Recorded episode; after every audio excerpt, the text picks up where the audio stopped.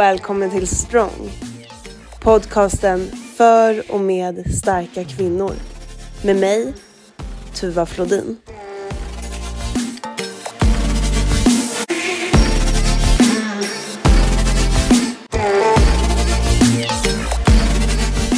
Så, då hälsar jag Corinne Silverlås välkommen till veckans podd.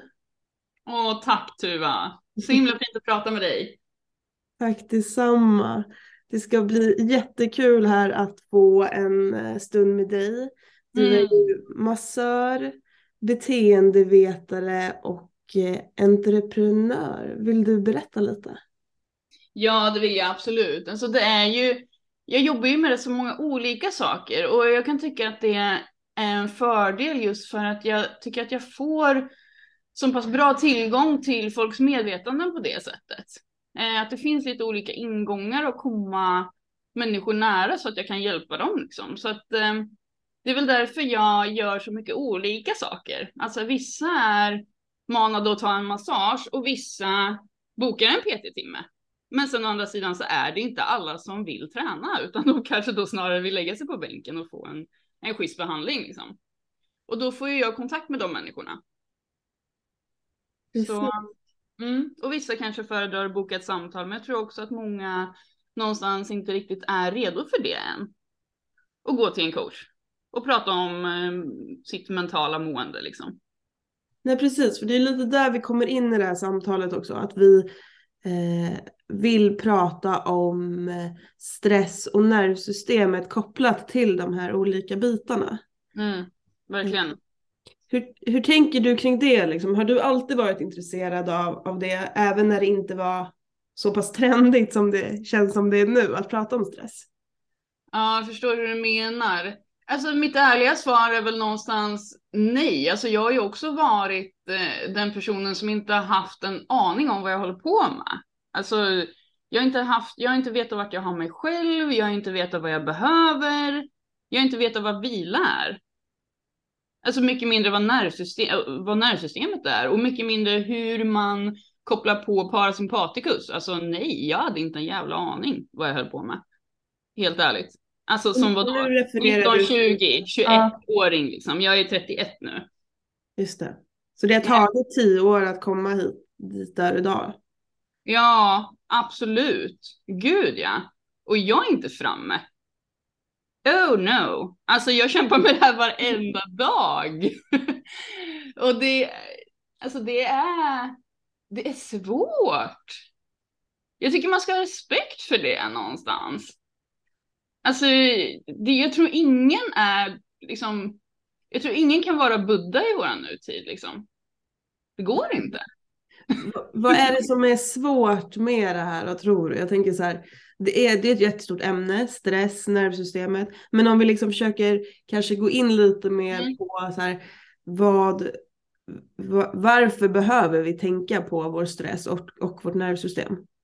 Alltså det svåra, om jag bara ska liksom svara rakt av som jag tycker och tror och bara väldigt enkelt, så det svåra är att koppla ifrån sympaticus. Alltså vi har så mycket stimulans ju överallt, alltså det finns inget slut på det. Jag tror att liksom den största utmaningen är att avgränsa och välja i våran värld där det finns, alltså vi kan göra allt! Vi kan göra allt, när som helst, hur länge som helst. Vi kan göra det 24 timmar om dygnet om vi vill. Det är ingenting som säger till oss, gå och lägg dig. Om vi har en skärm som glor oss i ansiktet. Liksom. Men, men, men det finns alltid någonting att göra. Alltså det, det måste ju bara vara oss själva och kanske en väldigt bra partner som typ hjälper oss med det här. Men annars är det ju så här, resten av världen upplever jag är ju mer så här, ja men nu kör vi, nu kör vi, nu gör vi det här. Och nu gör vi nästa grej. Och det, liksom, det finns ingen ände på det om man inte skapar det själv. Så, Nej. och, vi, och vi är flockdjur och vi någonstans påverkas av hur andra är. Och vi ser hela tiden hur folk gör saker. Hela tiden. Eller hur? Ja, ja, det- absolut. Alltså det handlar ju jättemycket, tänker jag då, om integritet och så här, men vet du vad, jag tar, jag tar avstånd från det här någonstans. Och så här, jag är någonstans villig att göra mig själv den tjänsten att jag sätter mig eller lägger mig, vad jag nu gör för någonting, men någonstans så här, jag avgränsar mig och vågar ägna mig själv eh, en egen tanke. Liksom. är du med? Ja, Alltså, det är helt okej okay för mig att inte delta i det här precis hela tiden. mm. Den, är, den är svår. Jag tycker den är svår. Jo men jag tänker att det är, är det inte det här klassiska uttrycket eh, FOMO? Ja, Vad Det är det? Fear of missing out. mm, absolut. Rädd, rädd att missa allt från den där roliga tillställningen till hela livet på något sätt. Ja men absolut. Och så här, någonstans, vi går ju miste om dopaminkickarna. Alltså det är ju så här dubbelt belönande någonstans. Alltså, så här, det där är ju ett hormon som är, alltså det är därför vi har kommit hit där vi är. Alltså det är jättestarkt. Belöningshormon, dopamin. Och det är liksom, det är någonstans experimenterar vi med, alltså vi experimenterar ju med en kemisk cocktail liksom. När vi glor i skärmen. Mm. Hur gör vi det då? Jag förklarar lite, hur gör vi? Nej men alltså, varje gång det plingar i mobilen så frigörs det dopamin. Mm. Vilket är ett jättestarkt belöningshormon som säger gör mer av det. Men varför gör det? Varför, alltså varför frigörs det dopamin av en sån grej liksom? Vet man det? Mm. Alltså det handlar ju om utforskande. Alltså att, ehm, att kika runt nästa hörn. Liksom. Det var ju så mänskligheten, tänker jag, kom framåt överhuvudtaget. Att så här, vad är nästa grej, nästa grej, nästa grej? Och det är Mm. så flödet ser ut. Nästa grej, nästa grej. Det finns ju, det finns ju inget stopp och det är där det, är där det blir liksom så svårt. Det är det som är det svåra, tycker jag. Att, så här, att kämpa emot evolutionen, det är fan svårt. Ja, det känns superklurigt. Jag tänker dopamin, alltså vi behöver ju det också på, på liksom en, Ja. en, en nivå, tänker jag. Ja, Och sen så kanske det liksom blir för mycket. Jag tänker det är väl ett beroendeframkallande hormon med tanke på att det Ja. finns med i alla de här, ja men allt från matmissbruk till sex och droger och shopping och spel och sådär. absolut. Det är ju, det är ju samma grej liksom. Och du är inne på någonting jättebra där tycker jag med så här, men vart ska vi få det ifrån då? Och det är Mm. där vi kommer in på någonting som jag tycker är jätteintressant och som jag brinner för delvis, det vill säga kallbad och andra typer av stressorer som vi någonstans är gjorda för.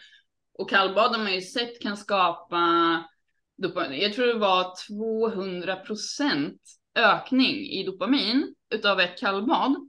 Och det är alltså, det är som eh, amfetamin. Eh, bara det att det håller i sig över tid så du får ingen krasch.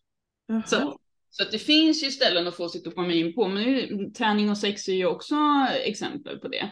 Men det är väl jättebra om man kan välja saker som triggar dopamin som man faktiskt eh, dels kanske inte kan bli beroende utav och även om man blev det så kanske inte gör så mycket.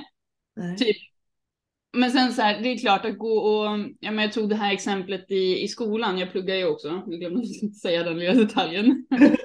Men, för? bland allt annat. Nej men vi tog det som exempel när vi pratade om dopamin i förra veckan att så här, jag kan bli lika belönad av att gå och plocka ogräs Mm. och, och lika liksom beroende inom situationstecken av det som jag kan bli av min skärm och kolla Insta. Va, Hur då? Alltså jag kan ju bli, jag kan känna mig lika belönad om jag verkligen sätter mig in i det, att plocka det här ogräset, Ja. som, som jag blir, alltså jag kan fastna lika lätt i det så att säga. Men vilket väljer jag? Vad är sundast liksom? Vart får jag ut min kreativitet? Mm. Jag blir inte kreativ av att scrolla flöden. Blir Mm. du kreativ av att scrolla flöden? Alltså kreativ blir man ju inte.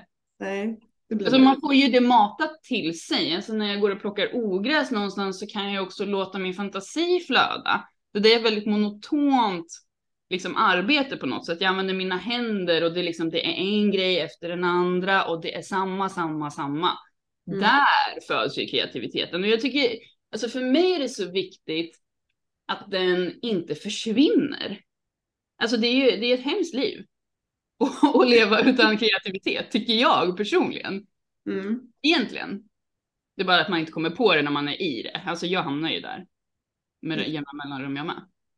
Men hur, för hur svårt är det då? Jag, låt, låt säga så här, jag förstår ju liksom eh, teorin kring det, att du kan bli beroende av eller få samma eh, dopamin eh, påslag av typ vad som helst, bara du har liksom rätt ingång i vad du Mm. pysslar med. Liksom. Mm. Men om du då har telefonen, liksom, då kommer du ju aldrig någonsin bli intresserad av de här maskrosorna. Exakt. Så hur gör man för att, jag menar kan du, ska man ta bort telefonen helt? Det känns också som en så här orimlighet, eller kan man, Men en stund. ja, du menar så liksom att man, man väljer bort den ett tag? Ja men bara få en liten provsmak i alla fall på hur det här livet utan konstant flöde skulle kunna kännas. Mm. Bara liksom få en, en, ett koncept om vad ett liv utan skärm innebär. Bara för ens en timme liksom. Mm. Det kan vara svårt för folk. Och sen kanske då, men välja att ta det här, det här kallbadet då, låt säga. Och se Mm. vad det, alltså prova, testa, se vad det ger. Alltså känner du dig belönad efteråt, du kanske inte ens är lika manad att ta tag i mobilen efter det. Alltså så här, vå- våga prova på känslan, våga känna hur det känns och inte vara beroende utav någonting och inte ha en napp i munnen liksom. För det är ju Mm. typ det det är. Alltså nu låter jag jätteanti inser jag, men jag är, ju... jag är inte så anti som jag låter. Nej, men jag tänker att det också är viktigt att man, att man har en stark åsikt om det här och förmedlar den starkt för att eh, sociala medier är så himla starkt i sig. Att så här, om du säger bara att här, ja, det är lite eh, halv eh, obra för ditt eh, nervsystem. Alltså så här, det är inte så liksom, slagkraftigt eftersom, eftersom liksom, apparna i sig är så kraftiga. Förstår du vad jag menar? Ja, det behövs en motkraft liksom. Ja, som är nästan starkare. Ja. Men du sa att du pluggade. Vad, vad pluggar du för något?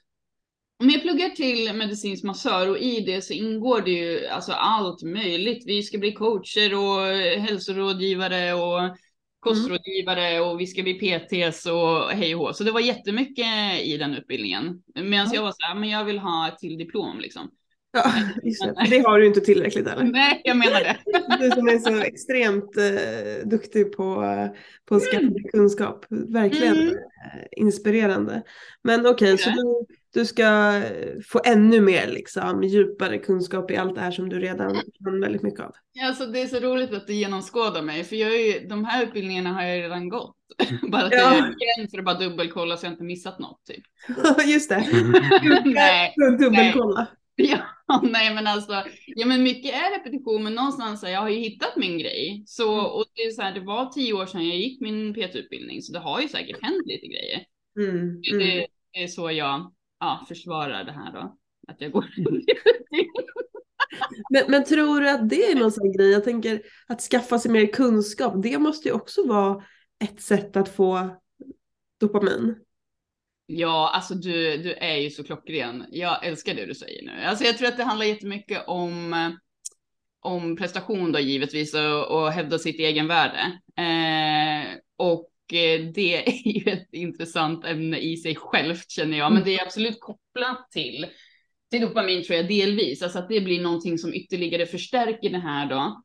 Eh, samtidigt som man då kanske har en, en dålig självkänsla i botten, liksom det som vi så populärt pratar om. Mm. Eh, men att man kanske inte pratar så mycket om vad prestationen gör mot ens självkänsla. Den blir ju inte bättre av det. Nej. Det är ju inte så att jag känner att jag är värd mer utan prestation om jag hela tiden presterar. Det blir precis motsatt, tänker jag. Mm. Och ehm, det, det är det här, jag, jag tycker helt uppriktigt att det är svårt att bortse ifrån att hela tiden prestera. Från att jag vaknar mor- på morgonen till att jag går och lägger mig. Jag tror inte alla är så. Jag är så. Ja, jag är också så. Jag vet Jag ju. också så. Ja. Eller alltså att vi vill prestera, det, det är det vi menar. Mm. Ja, Ja, ja. det är det vi lever för liksom. ja. Mm. Och du bara, ja, vad är det med det då? Ja men ja, alltså jag, eh, jag vet ju det här och liksom på något sätt har jag kanske inte kommit så långt i min egen utveckling när det gäller att, att liksom eh, få bort det här. Eller så har jag kommit så pass långt att jag bara inser att jag har gett mig, eh, jag lägger mig platt för min prestationsprinsessa. För att det är så himla stark grej att man vill prestera. Hur, Mm. hur ska man få bort en sån grej som på något sätt har funnits med en sedan man föddes? Jag tänker att, att det Mm. inte är någonting som kommer egentligen helt från miljön utan att det faktiskt är, det är ju någonting som gör att vi överlever. Oh, berätta, hur tänker du då? Ja, men jag tänker att så här, det är väl klart att, att om, tänk dig när du var jätteliten exempelvis, super, super, Mm. super liten. Mm. Och sen så lärde du dig att rulla runt från då kanske mage till rygg. Och alla blev så här, åh vad bra, jätteduktig. Ja, in på belöningskontot för att du presterade. Mm.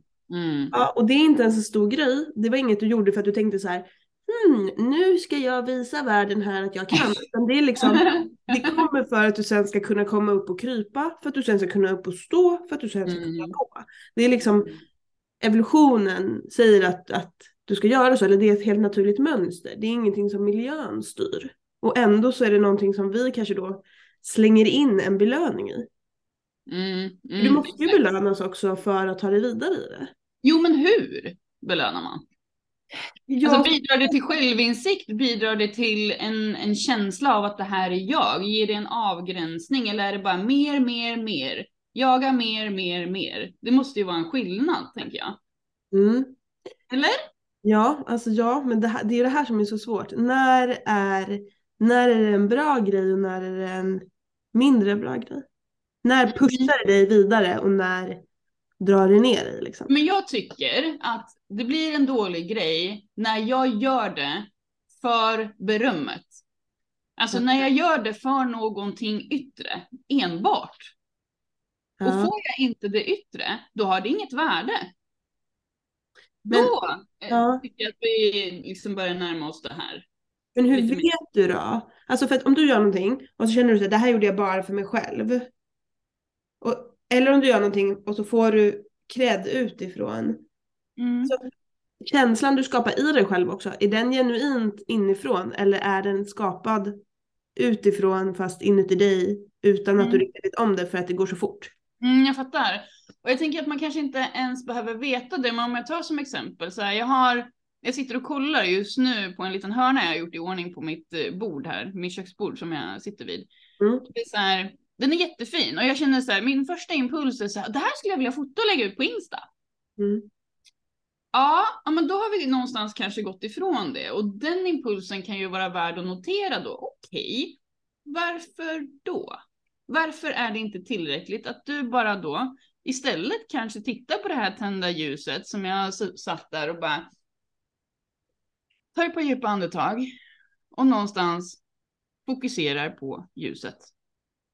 Så. Mm. De två känslorna är ju väldigt, väldigt annorlunda varandra, tänker jag egentligen. Men det är samma typ situation, det är samma hörna. Den ser likadan ut. Det, är Men samma, är ju, ja, precis, det är samma stolthet eller på något sätt samma myskänsla. Alltså du får ju en känsla av den här hörnan. mm, Som du, men är det så då att du vill förmedla den till de andra, alltså då Instagram och följarna? Eller är det så att du vill lägga ut den för att andra ska säga ja det är fint för att lyfta Mm. dig? Är du med vad jag Mm. menar? mm, ja, absolut.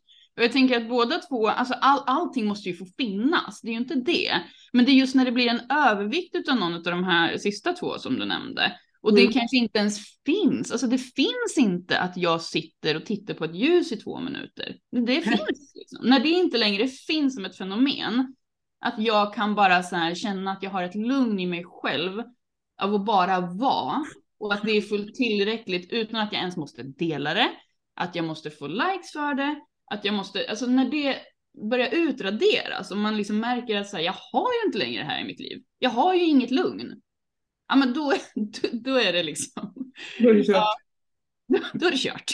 Nej men då, då får man börja om liksom. Ja, men varför är det så? Jag tänker så här. Ja, nu pratas det väldigt mycket om att det är skadligt med stress och, och liksom det ena med det tredje, vilket det Ja. såklart är. Men varför är det så skadligt?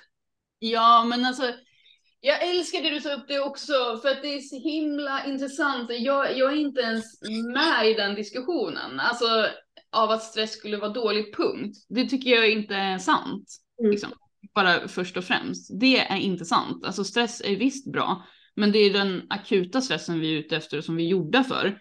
Vi är inte ute efter lite stress 24 timmar om dygnet och ett nervsystem som aldrig slår helt av, liksom, som aldrig kopplar på parasympatikus, som man verkligen känner så här, jag är så lugn. Jag är så avslappnad. Det finns ingenting i mig som så här är orolig för något.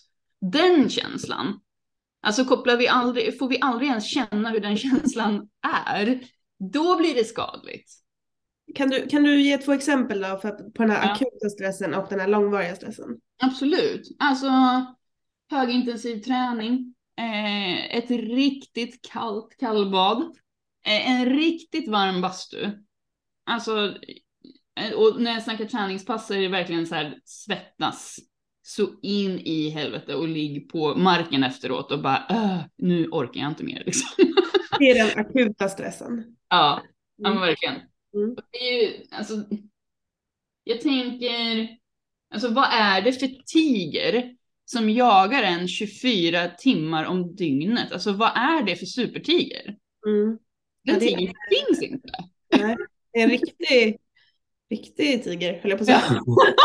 det är är en jävligt envis och uthärdig tiger alltså. Ja. Herregud.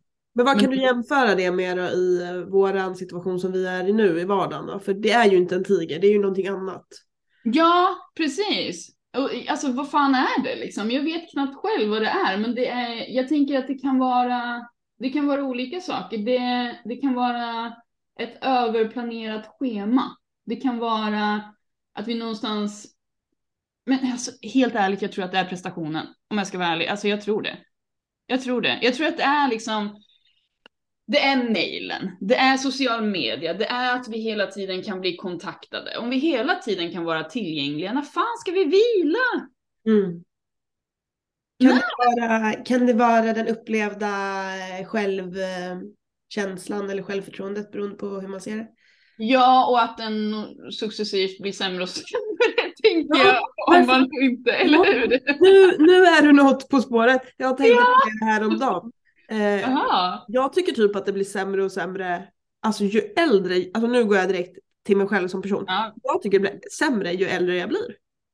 Oj! Jag trodde liksom att det var tvärtom och alla säger så här, nej men det är värst i tonåring, sen blir det jättebra liksom. När, när man är 50 eller 60 eller 70 då bryr man sig inte, då ger man fingret till alla och så drar man. Man käkar vad man vill och har det gött liksom. Jag tycker typ att det blir värre. Berätta mer. Jo men så här, jag tycker att jag blir mer osäker på mig själv. Jag tycker att jag inte alls går in med den här coola inställningen om att världen är till för mig. Utan jag går mer så här, okej ursäkta här kommer jag.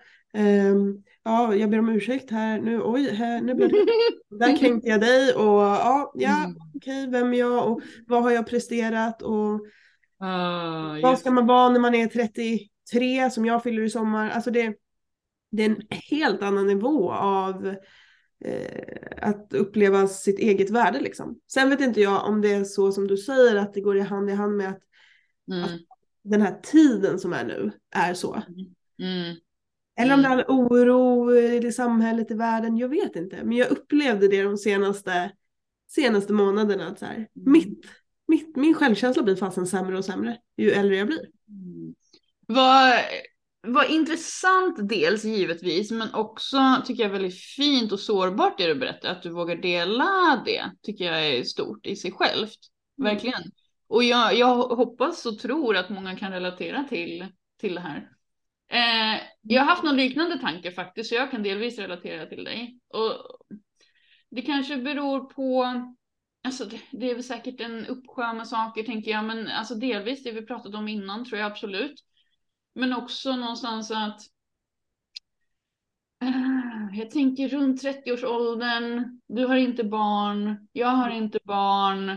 Ehm, jag tänker om det kanske kan påverka på något sätt. Alltså det här liksom ingå i ett man ska liksom ha vissa saker enligt samhället när man är typ 30 plus.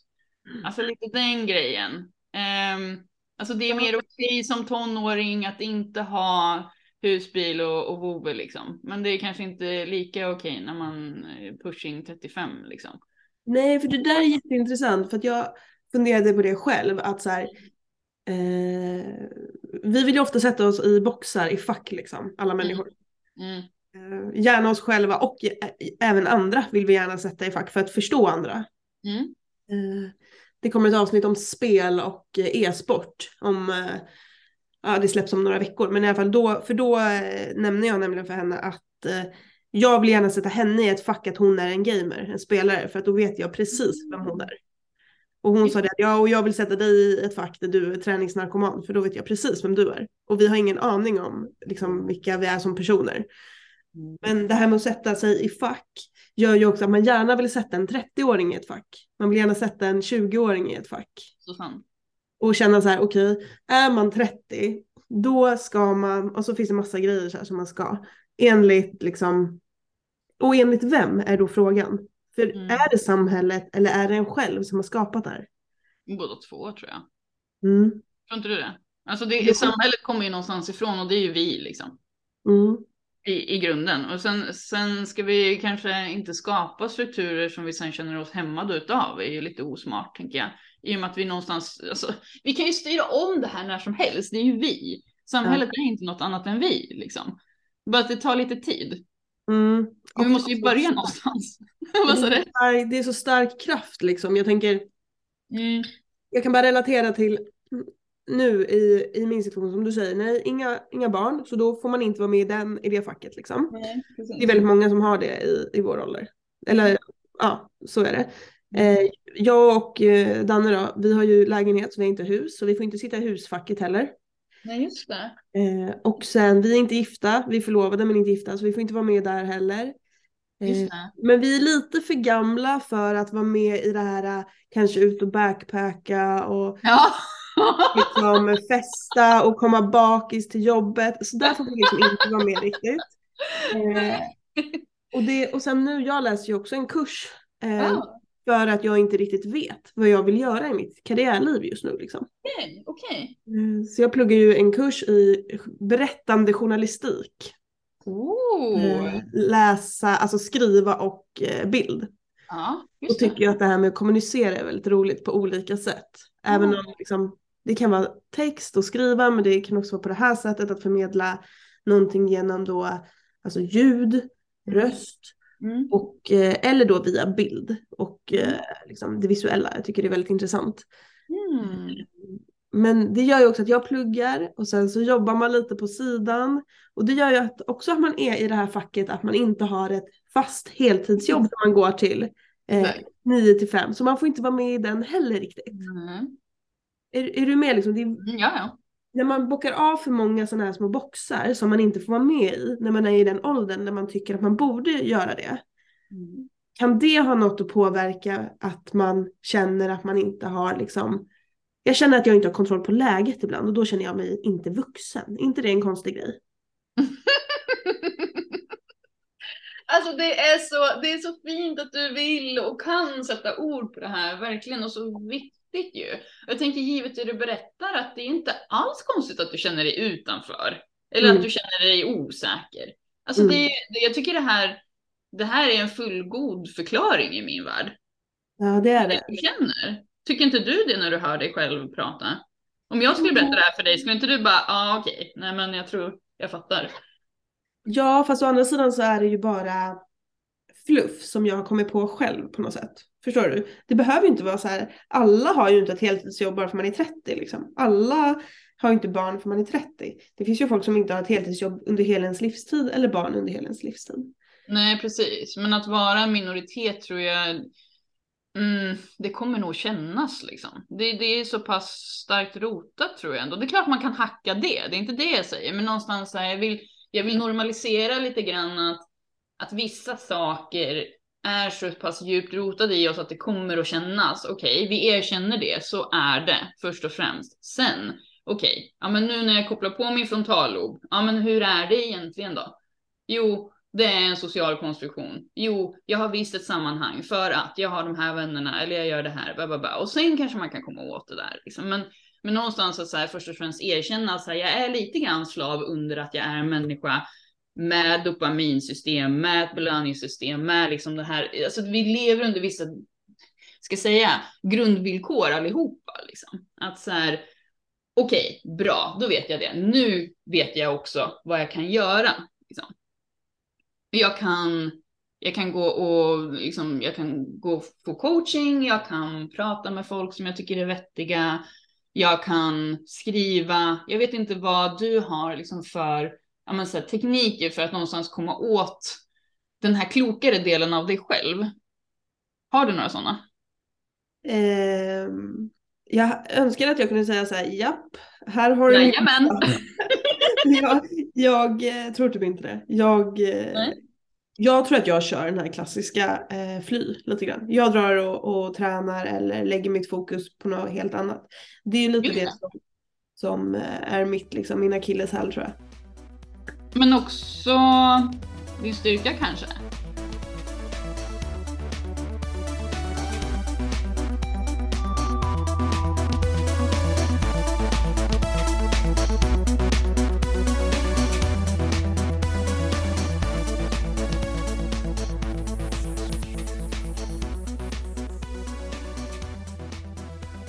Om man nu skulle se så här, jag tänker för, för lyssnarna, vad, Mm. de behöver, om de behöver verktyg för att jobba med det här då, och jag kunde ju uppenbarligen inte ge dem något tips. Har du något tips? Mm. Alltså någonstans så måste man ju gå lite grann till sig själv för att det är det är individuellt vad som gör oss lugna och trygga liksom. Sen finns det ju kanske vissa grejer som jag har ja, men, snappat upp och som, som jag tror är lite grann så allmängiltiga och det är väl ja, men, värme brukar vara en sån grej som gör folk eh, liksom sköna och goa och glada. Att det någonstans signalerar trygghet, rutiner, eh, närhet. Eh, alltså för vissa kan ju det också vara svårt, men alltså ta till andning såklart, alltså meditation, sådana grejer. Men det är någonstans, ja visst, i en idealisk värld så skulle jag kunna säga åt folk att börja meditera och sen skulle de göra det. Jag vet att jag, jag tror inte det kanske är någon som kommer att göra det bara för att jag säger det. Utan då snarare trycka på andra saker som inte heter någonting, men som någonstans ändå signalerar trygghet. Eh, men att försöka, det kan vara en plats. Eh, men det kan också vara att man faktiskt utsätter sig för en sån pass stark stressor, precis som kanske du gör med träningen, så att efteråt att man kan någonstans tappa in i det här lugnet. Att så här, okej, men då har jag frigjort mina må bra-hormoner, nu har jag min trygga plats här. Och det kanske till och med är gymmet för din del. Alltså det kanske är din plats.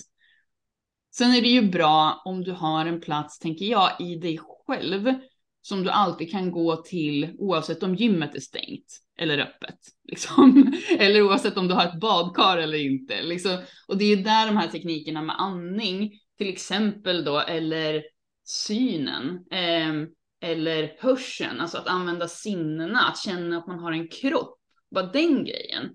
Det är där de teknikerna kommer in och jag tycker att det är så synd att det, alla de här grejerna är kopplade till begreppet meditation som folk kanske har ett visst sätt att se på. Men någonstans så handlar det om att signalera trygghet så att man någonstans kan börja och få kontakt med de delarna av hjärnan som inte, som någonstans sköter minne och planering liksom. Som man, där man kan göra kloka beslut, rationella beslut. Det är det det handlar om någonstans. Och sen vad det heter, vart det är eller vad det är, det spelar mindre roll. Liksom. Men jag hoppas att jag har gett någon typ av svar och gett några exempel i alla fall då, som man ändå kan testa. Um, men typ som för mig, om jag känner att jag har en fot, alltså på riktigt känner att jag har en fot, att hälen är i golvet, då har jag kommit lite, lite längre, eh, ett lite, lite längre steg mot att faktiskt vara medvetande och lugn än om jag inte har en fot. Alltså jag kan ju, det kan ju gå så långt att jag inte ens känner att jag har en kropp, är du med? Jag är bara i mitt huvud liksom. Mm. Då, då är de här små stegen är rätt så viktiga liksom.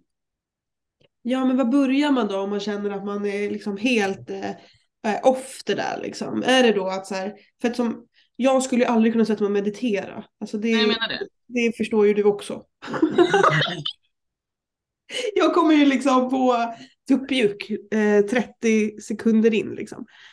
Eh, så vad, Men vad, gör är det du får, vad menar du? Att, vad är det du skulle göra som du skulle få tuppjuck utav? Men bara så här, sitta still och bara blunda och typ vara. Det är ju liksom jättesvårt för mig. Men Mm. jag tänker att många också kanske tycker det. Att man känner så här, jag är inte produktiv nu och jag gör inget vettigt. För att man vill ju på något sätt få ut någonting av det här. Och då redan där är man ju lite fel ute när man mediterar. Jajamän. Att man, liksom, man jagar den här känslan och då är det ju inte här i nuet. Så att det blir lite liksom, det blir lite moment 22 eller vad man säger. Det blir lite liksom Mm. fel. Att du sätter det där för att uppnå lugn. Och bara, bara att du gör det gör ju att du inte är här och nu. För du är ju redan i framtiden i det här lugnet du söker. Mm, jag fattar vad du menar. Eh, jätteintressant perspektiv tycker jag, eh, för det första. Men jag tänker att, att faktiskt bara notera det som du precis gjorde. Att så här, oj, nu kom den där tanken upp om att nu måste jag vara produktiv även i det här. Kan inte det vara en bra övning i sig själv då, tänker jag? Är inte det ett steg närmare insikt liksom? Det var ju en insikt där och då. Så Ja. då har man ju uppnått det. Just det, Det var väl mer än vad man... Ja. lägger det på en nivå som är lite, lite lägre. Bara, är mycket lägre. Alltså verkligen.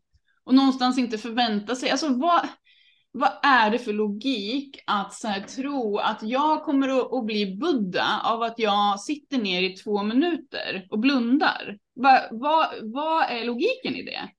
Det är klart att det kommer vara svårt första gången man gör någonting. Alltså det spelar ingen roll vad det är. Mm. Men det är första gången du sitter ner i två minuter och blundar på typ ett och ett halvt år. Eller vad det nu kan tänkas vara. Mm, Ja, det mm. kommer vara svårt. Varför ska det vara så här? Nej, men det kommer att gå hur bra som helst. Varför skulle jag göra det? Ja. Det finns ingenting som säger att det skulle gå bra. Nej men gud jag tycker du, du, har så, du har så bra liksom. eh, eh, Du känns ju väldigt så här förstående men, men eh, så där förstående är man ju inte för sig själv. Nej. Så hur då, jag tänker hur hjälper du då de som kommer till dig liksom? Hur, hur går du in, inst, alltså när det kommer en klient till dig och vill ha massage eller liksom coachning så här, hur, hur gör du för att liksom gå ner på dens nivå och hitta dens liksom eh, stress och sådär? Hur, hur går du in i det? Alltså jag tror dels att jag måste acceptera, alltså identifiera och acceptera att den är där liksom. Så här, den här personen är där den är. Så, punkt. Och någonstans inte kanske gå in ens med viljan om att säga jag ska förändra den här personen och det är mitt syfte och det är min prestation och om jag inte lyckas så är jag inte tillräckligt bra på det jag gör. Den inställningen ska jag inte ha.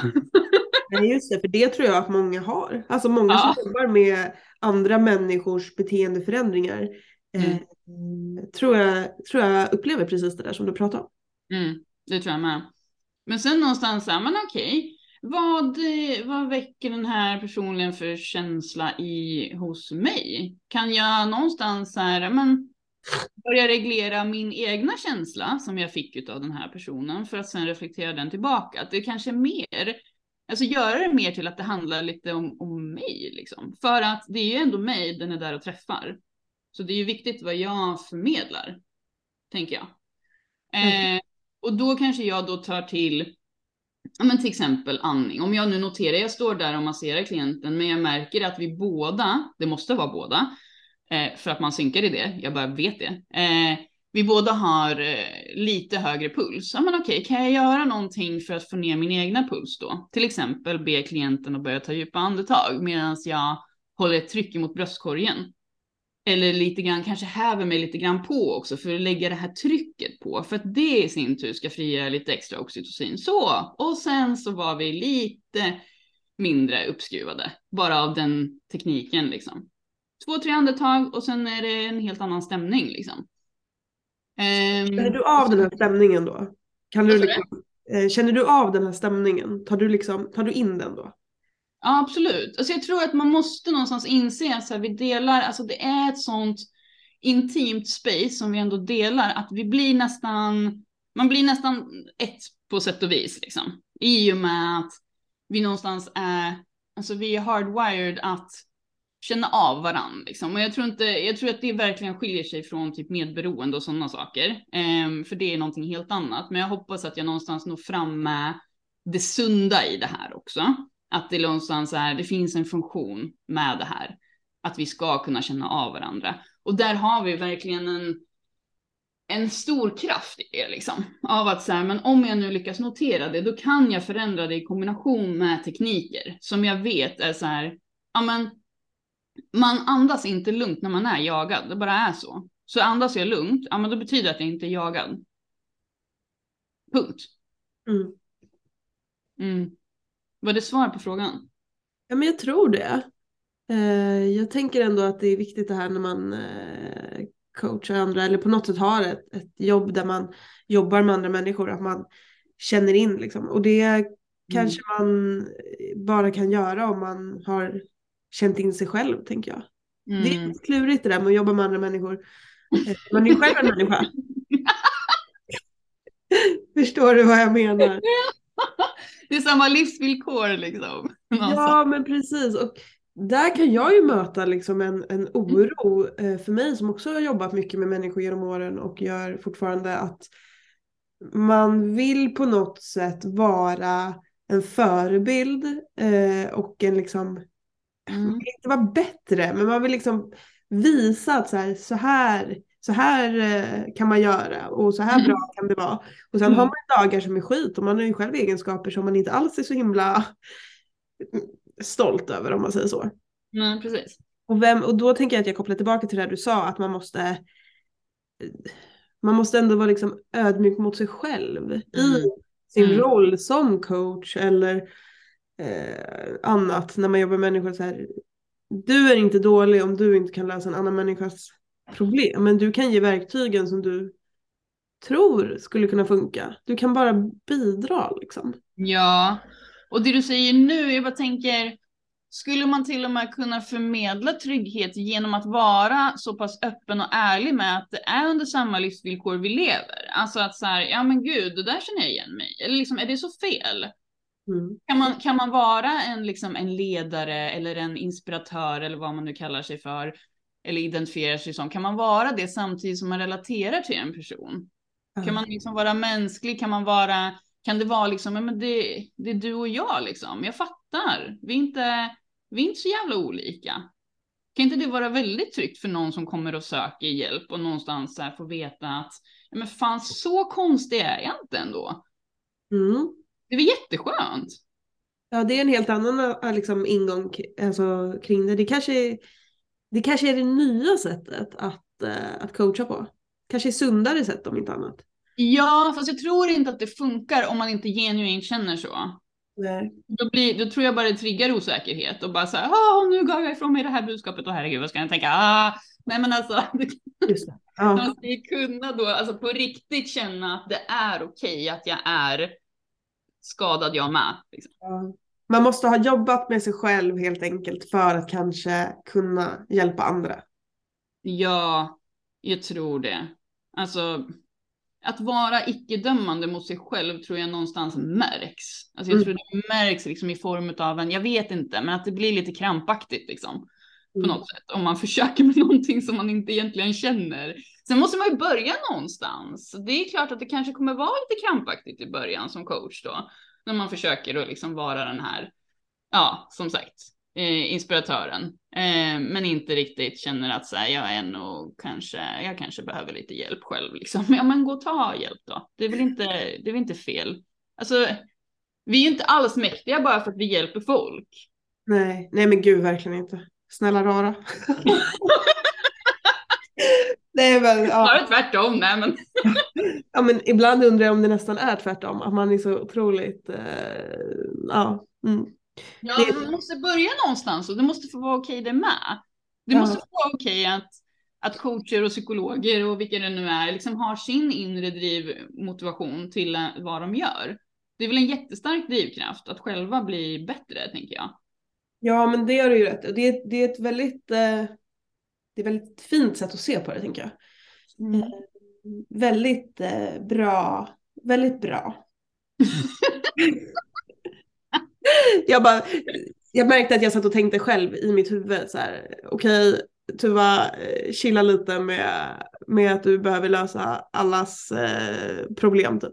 Det är lite mitt, eh, det, det är lite min akilleshäl när jag vill coacha andra människor. Jag vill gärna hjälpa dem snabbt med deras eh, grejer som de vill jobba med.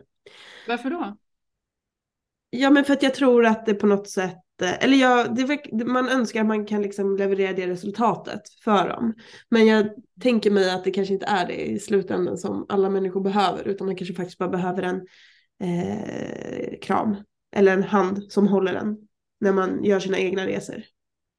Jag förstår hur du menar Tuva, jag har absolut varit där. Eh, men jag har fått komma till den tuffa insikten att ibland får man till och med låta människor gå ner i skiten. Mm. Och den, jag tyckte den var jätte, jag bara va? Vad, nej, va? nej, jag ska ju liksom, jag ska ju motverka att de går ner i skiten. Ja, men tänk om det är en hjälp att de når ner i botten. Mm. Tänk om det är motivationen som de behöver. Tänk om din uppgift inte är att kontrollera och styra allting utan att släppa. Mm. Den var tuff för mig. Usch, och fortfarande. Ja, det förstår jag. Ja, det, det kanske tar ett litet tag för mig att komma, komma dit, men eh, jag eh, tycker ändå att det låter som en... eh, Det kan vara ett sätt att gå, så att säga. Mm. Men du, tiden rinner iväg och jag ska ställa mina tre sista frågor till dig. Men gud, har det gått så lång tid? Jag Jag vet. ser. Det har gått så fort. Och det är alltid så här att vi hinner bara skrapa på ytan på allting. Eh, så man, eh, man är alltid välkommen tillbaka till podden om man vill grotta ner i något annat ämne eller djupdyka lite mer. Så, att, Jag tror jag ändå vet svaret på det faktiskt. så eh, no stress. Det vi inte hann med eller det vi ska grotta ner oss i, skriv upp så bokar vi in en till avsnitt. Gärna, gärna. Tack för att jag fick vara med säger jag innan jag glömmer det. Ja, men gud, Ja. Det är jag som ska tacka. Det är alltid inspirerande eh, med, eh, med samtal, tycker jag. Det är Mm. jätte- jätteroligt. Mm. Ja, men vi har alltid haft bra samtal tycker jag. Det har vi. Det är Ja, något som väcks liksom när, när jag bara ser dig känns det som. Fast att det var så länge sedan nu. Ja men det är sant. Vad fin du är. Men eh, okej, då till de här frågorna. Min första fråga lyder. Finns det någon kvinna som inspirerar dig och i så fall varför? Mm. Alltså den första jag kommer att tänka på är ju kanske lite klyschigt då, men det är min mamma faktiskt. Och det är så här, ja det känns lite i hjärtat men Det är klart, det är jättebra.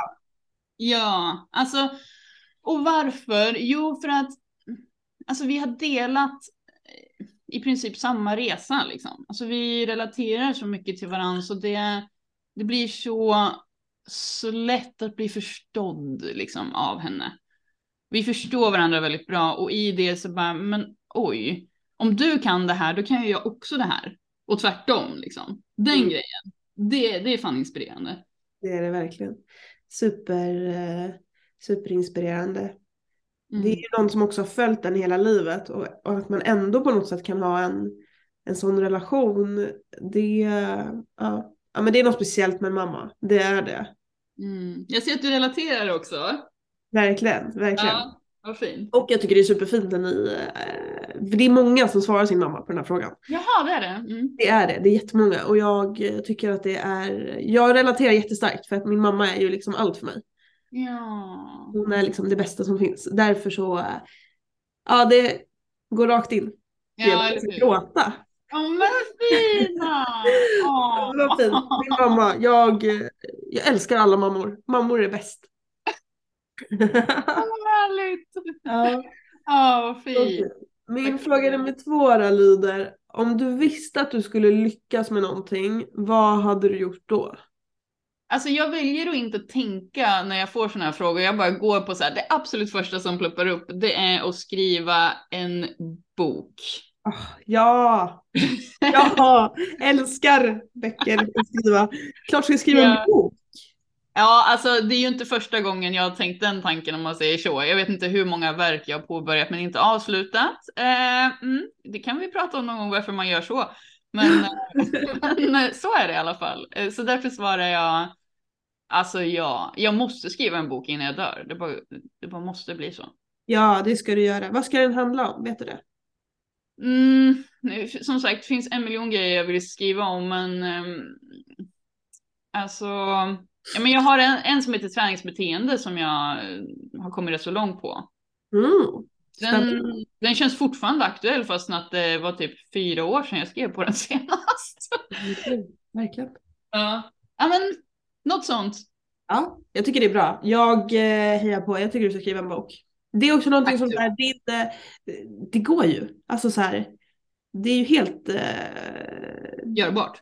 ja, precis. Det är Ja. bara att göra. Ja men faktiskt. Jag tänkte på det också, typ om det var igår eller någonting. Jag bara, men vad, alltså va? Hur svårt är det? Om jag verkligen tänker på det, bara sätt dig ner och skriv. Ja. Så, det var det. Så Ja, svårt men var där det. handlar det ju bara om att, att liksom eh, våga på något sätt. För att du, det är ju bara att sätta dig ner och skriva och skicka in det. jag älskar när man gör det sådär. eh, Liksom, Ja men det är ju så enkelt. Alltså, och, och jag som liksom ha- har liksom koll på dig och så och liksom vet hur pass klok och bra och Ja. liksom Ja men du kan ändå resonera åt många olika håll. Förstår du vad jag menar? Du kan komma in med olika vinklar och på olika sätt och så här. Jag tror att den boken kommer bli skitbra. Jag kommer läsa den. Nej, men tack du var min första läsare! Underbart! Absolut. Tack för Nu- det. Nu har jag eh, peppat dig lite så nu ska du få peppa dig själv genom att svara på frågan om du kunde gå tillbaka och ge dig själv några goda råd eller något gott ord på vägen. Vad hade du sagt då? Just det. Ja men alltså den är ju klyschig och den har jag ju fått hört massor med gånger från andra tack och lov men inte riktigt förstått innebörden. Men det är så här, det är okej att vara som du är. Och jag bara, förut, jag bara vadå som jag är? Vad är det för någonting? Ba, ba, ba, ba, ba. Men det är så här, det, det är okej liksom att du är där du är. Alltså det är okej, även om det är så att så här, men man vill ju framåt. Det är ju inte det det talar för. Men det är, så här, det är okej att du är där du är nu. Så, punkt. Så bra. Jag tänker att det, att det är helt klockrent och eh, med det så sätter vi punkt också för det här samtalet för att vi behöver inte säga så mycket mer. Det, Det, liksom, det fångar in allt liksom. det fångar in allt. Ja. Jag, är- jag är supernöjd. Jag är, ja. Underbart där, är Tua. vi, där är vi klara. Tack snälla för att jag fick vara med och tack för idag och så himla fint att prata med dig som sagt. Tack för att du finns. Åh, men gud, tack för att du finns. Tack så jättemycket. Tack.